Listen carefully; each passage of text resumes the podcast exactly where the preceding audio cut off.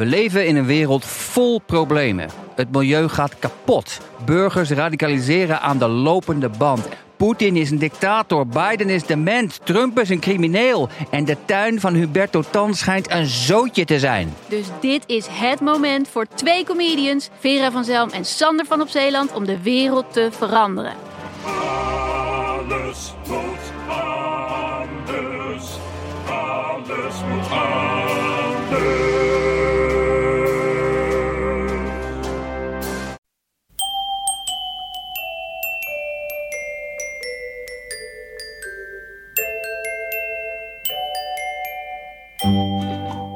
Welkom bij aflevering 286 van Echt Gebeurd. De podcast waarin waargebeurde verhalen worden verteld door de mensen die ze zelf hebben meegemaakt. In deze aflevering een verhaal uit de diepte van ons archief. Sam van Haaster vertelde het tijdens een van onze eerste verhalenmiddagen, en dat was in februari 2009.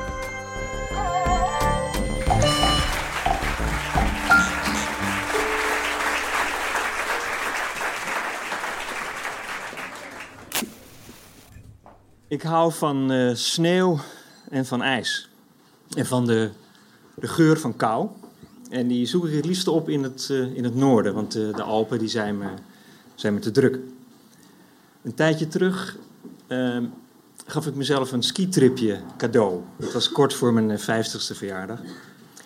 Ik was met een groep Nederlanders in, in Lapland, Noord-Zweden. En we maakten daar een, een, een trektocht op skis van hut naar hut.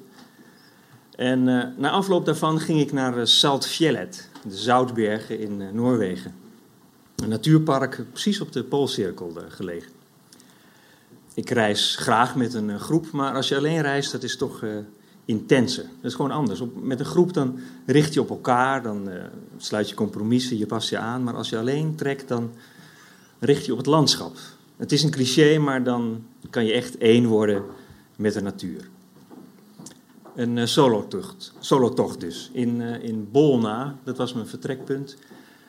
Dat was een klein plaatsje van, uh, wat met verlaten zomerhuisjes bij de doorgaande weg. Mijn eindpunt, vijf dagen later, zou Lonsdal zijn. Een plaatsje niet veel meer dan een stationnetje waar ik de trein wou nemen en een hotel. Ik had wat bagage achtergelaten in het hotel. Met een briefje erbij wanneer ik het om zou komen halen.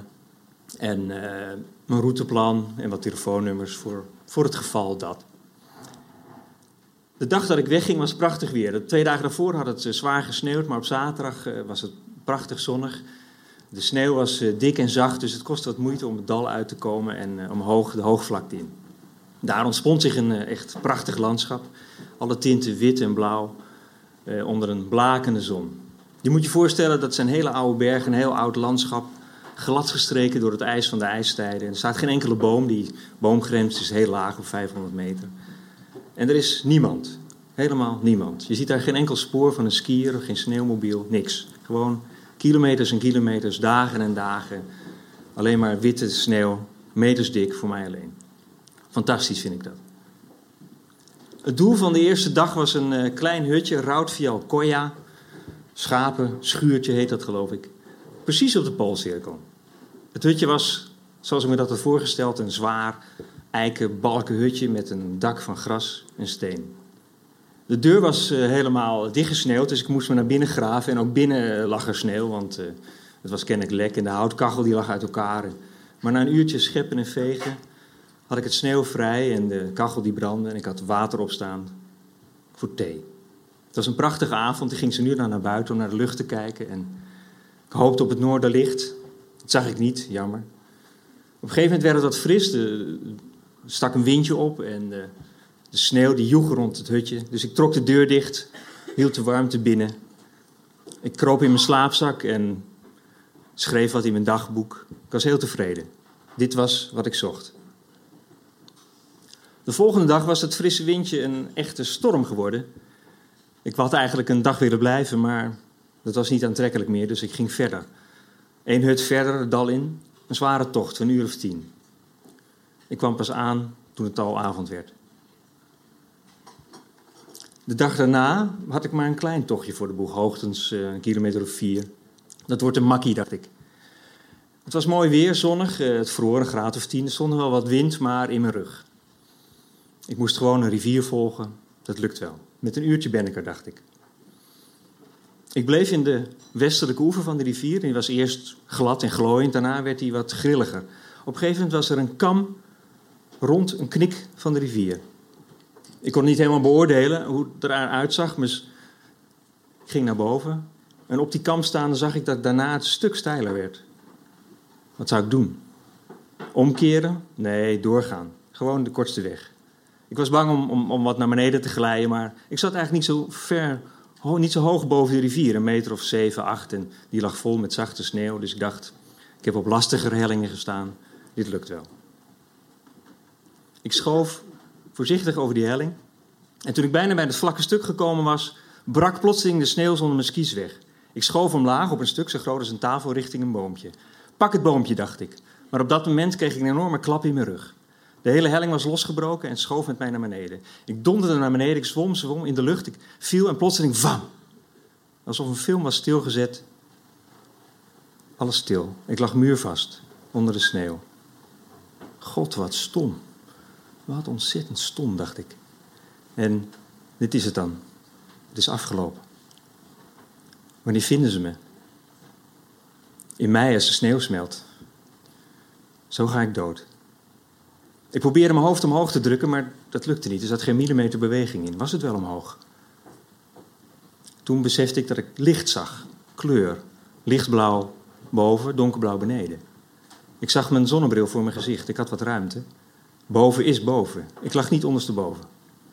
Toen voelde ik dat er koud water langs mijn kleren omhoog kroop. Ik lig in de rivier.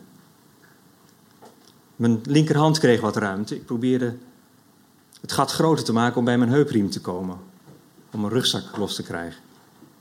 Het water kroop verder tot aan mijn kin. Niet zo, niet zo, niet verdrinken. Ik drukte mijn hoofd omhoog met harder en harder en plotseling, paf, schoot de sneeuw voor mijn gezicht weg. Licht en lucht, ik lag pal onder het oppervlak.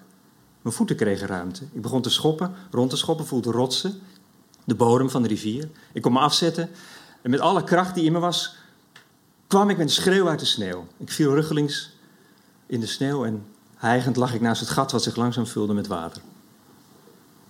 Ongelooflijk. Gered, voorbij. Maar ik was drijfnat en alles begon snel te bevriezen. Ik realiseerde me dat het niet voorbij was, dat ik onderkoeld kon raken. Ik moest droge kleren hebben, ik moest me beschermen tegen de wind. In mijn rugzak vond ik alleen een droog t-shirtje en een thermohemdje. De rest was nat en vereist.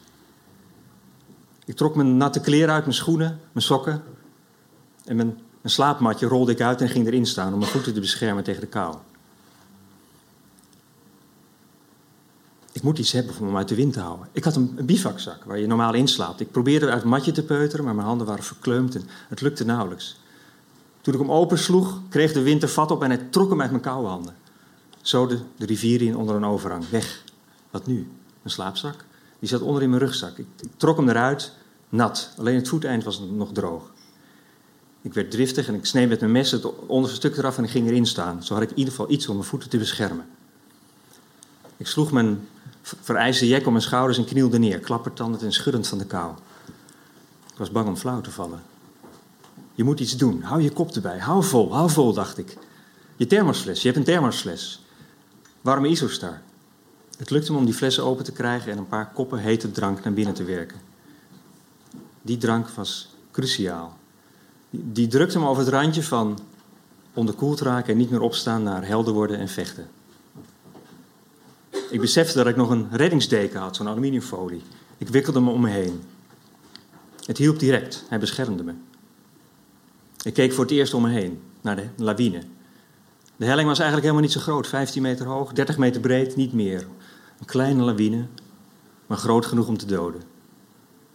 Halverwege de helling zag ik mijn ski uit de, sneeuw steken, naast het boompje wat ik had willen pakken. Mijn andere ski stak in het ijs van de rivier. Mijn skistokken zag ik nergens, die waren losgekomen, ik had geen idee wanneer. Ik realiseerde dat ik ongelooflijk veel geluk had gehad.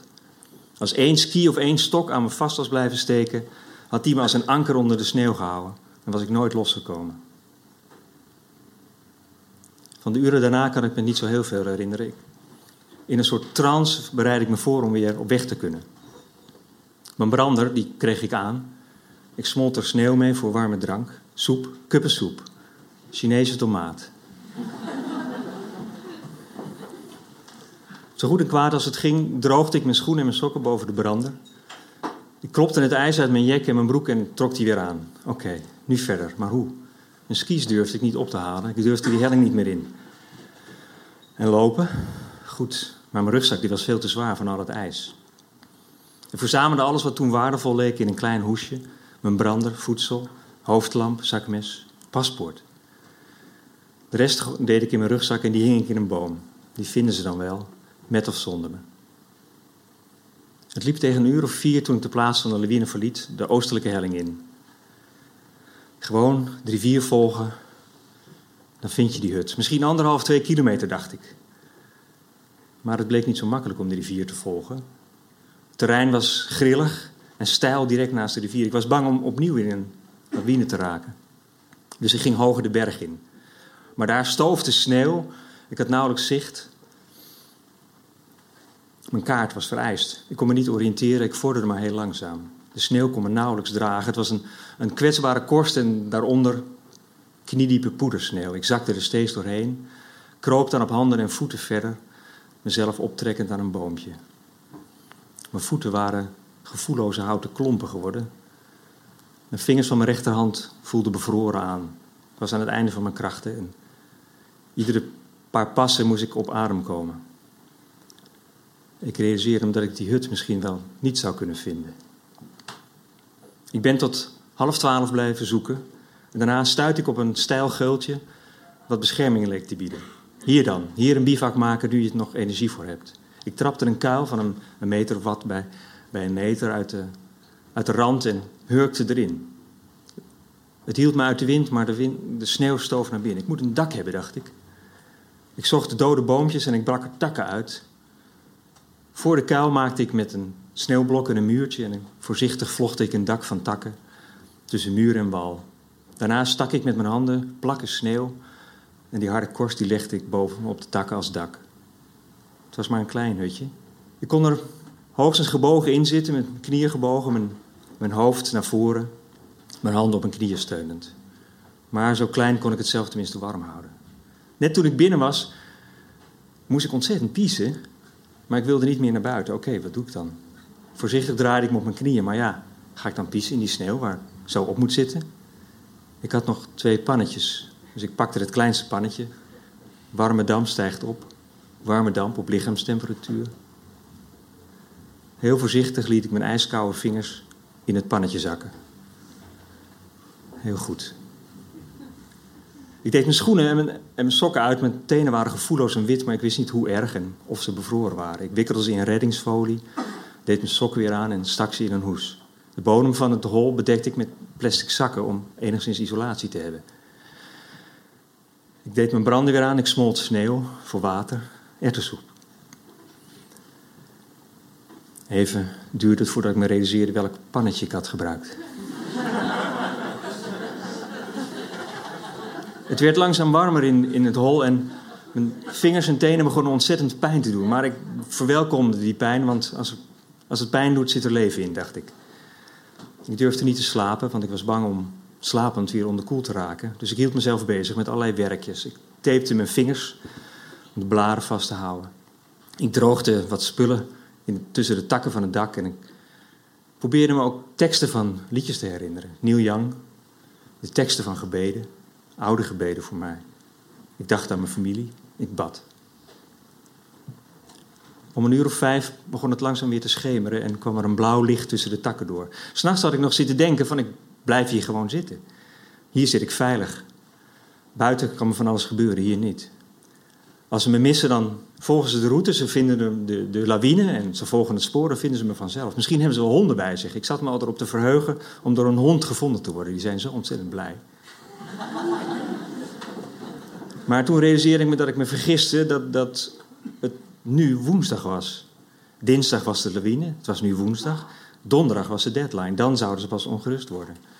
Maar kon ik nog wel een nacht in het hol blijven en had ik nog wel benzine, kon ik me warm houden. En uitbreken, wat was dat dan? Hoe zou het weer buiten zijn? Ik had geen idee. Dus ik maakte een klein gaatje in de wand en schoof een mokje met wat water naar buiten. Na een paar minuten trok ik het weer terug en het water was niet bevroren. Ik schoof het weer terug en wachtte langer en trok het weer terug. Het water was nog steeds niet bevroren, dus het kan niet heel erg koud zijn buiten, dacht ik. Ik heb tot een uur of twaalf gewacht, het beste deel van de dag, en toen groef ik mezelf uit. Ik kwam naar buiten onder een stralende zon. De wind had al mijn sporen weggewist. Het hol was volkomen opgenomen in de omgeving. Niemand had me daar ooit kunnen vinden.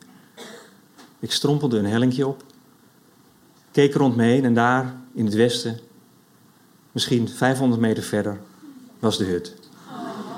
Ik was er s'nachts langs gelopen. Het kostte me nog ongeveer anderhalf uur om die hut te bereiken. Het was leeg, er was niemand. Het was woensdagmiddag, twee uur. 24 uur voordat een eerste signaal van alarm uit zou gaan. De volgende dag, donderdagmiddag om half drie, besefte de hoteleigenaar nadat de trein vertrokken was dat ik niet meer zou komen opdagen. En hij waarschuwde de politie. Vier uur later, om zes uur, hing er een helikopter boven de hut. Die bracht me naar de bewoonde wereld en ik was gered.